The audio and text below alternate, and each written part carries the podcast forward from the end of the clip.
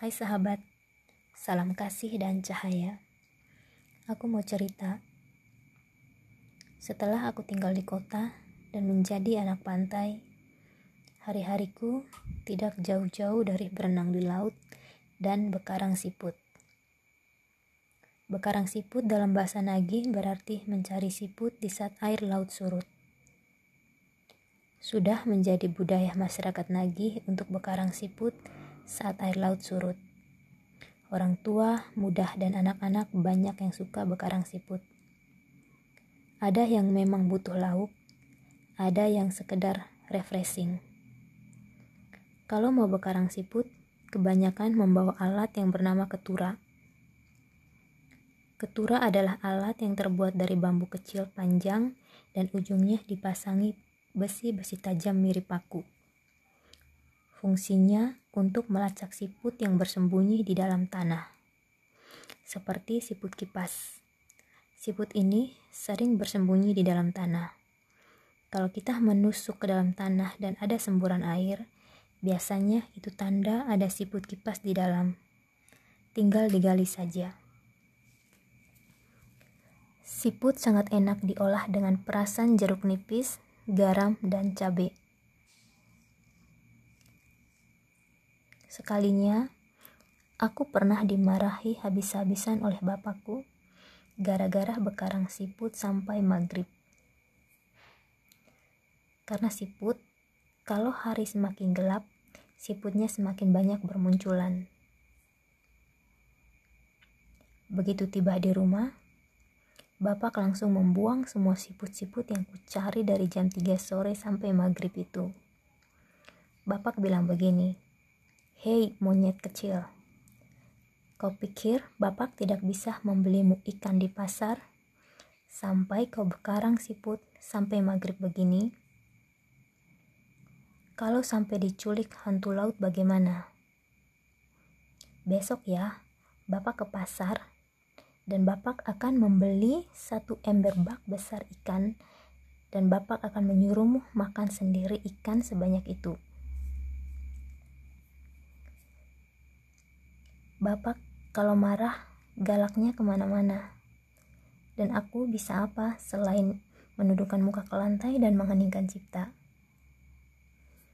Bapak bilang lagi, anak kecil apa ya jam begini belum mandi. Sekarang juga mandi dan setelah itu belajar. Oh ya, Bapak kalau sudah sampai memanggilku dengan sebutan monyet kecil, berarti beliau sedang marah.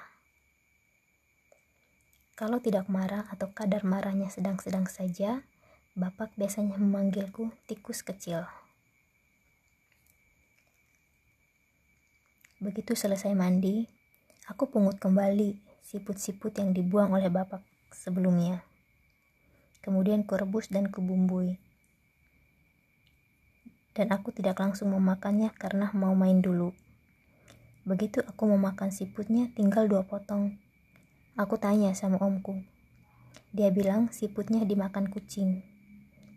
Aku jawab balik. Ya, kucing yang memakan siputku adalah kucing berkaki dua. Dan itu adalah omku. Karena dia yang tahu di mana aku menyimpan siput itu.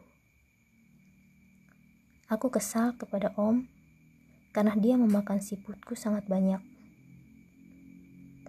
Dan yang lebih bikin kesal lagi, di saat bapak memarahiku, dia ikut menghasut-hasut supaya bapak semakin memarahiku. Tapi ujung-ujungnya, dia yang memakan siputku lebih banyak. Oh iya, pernah juga aku diam-diam bekarang siput di luar kota bersama tetangga. Saat pulang, kami berjalan kaki karena angkot yang kami sewa lupa menjemput. Dan di zaman itu belum ada handphone.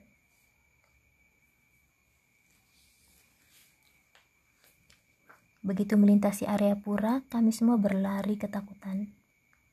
Buat kami, pura di malam hari identik dengan tempat angker. Yang lucunya begini, ketika kami berlari di area ini, Samar-samar kami melihat bayangan seseorang yang berlari di belakang kami. Alhasil, kami semakin beralih kencang. Begitu kami berhenti karena kelelahan, sosok itu pun juga berhenti. Ketika kami berjalan lagi, sosok ini pun juga berjalan. Kami semakin penasaran, siapakah sosok ini? Apakah dia orang atau hantu? Dan kami tidak bisa melihat dengan jelas karena hari mulai gelap. Kami tidak membawa senter karena tidak terbayang akan pulang jalan kaki. Begitu tiba di kota, kami senang ada satu angkot yang lewat. Langsung kami naik dan berdesak-desakan. Dan kami mengamati ada satu penumpang yang ikut naik angkot. Di saat itulah kami sadar kalau sosok yang menakutkan tadi adalah seorang pemuda yang berjalan di belakang kami. Dia mengakui kalau dia dari kampung dekat tempat kami bekarang siput. Karena kakaknya lupa menjemput, akhirnya dia berjalan kaki. Dia senang begitu melihat kami berjalan dalam rombongan yang ramai, tetapi dia malu untuk bergabung. Dan ternyata dia juga takut saat melewati pura. Makanya di saat kami berlari, dia pun ikut berlari juga. Begitu angkot berhenti di depan rumah tetangga, dari jauh aku melihat Bapak sedang duduk di teras. Jantungku berdetak kencang. Tandanya takut dimarahi.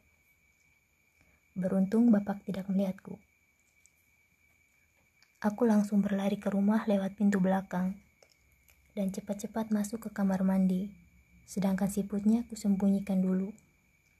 Selesai mandi, aku pura-pura mencakar soal matematika biar bapakku tahu kalau aku anaknya yang rajin belajar. Wah, anak bapak pintar ya belajar begini. Puji bapak saat melihat aku belajar.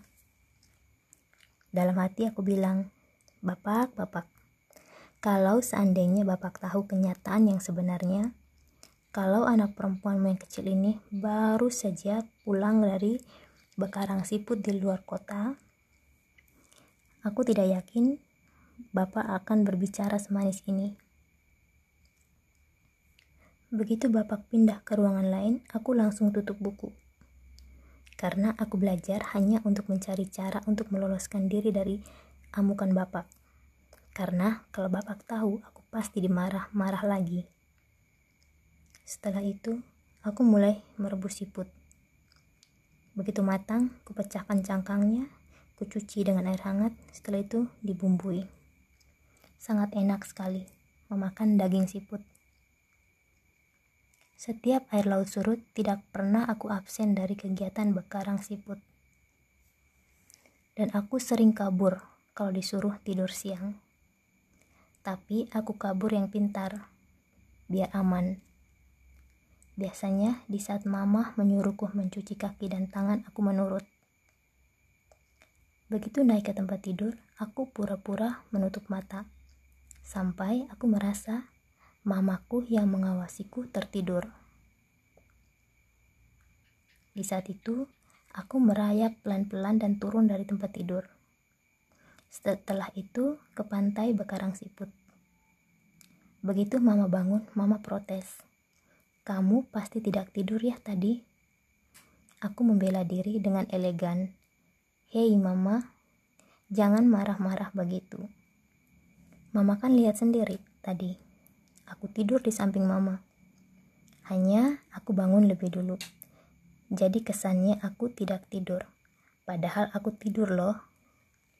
Mama akhirnya diam dan percaya. Padahal nih, aku yang pandai mencari alasan.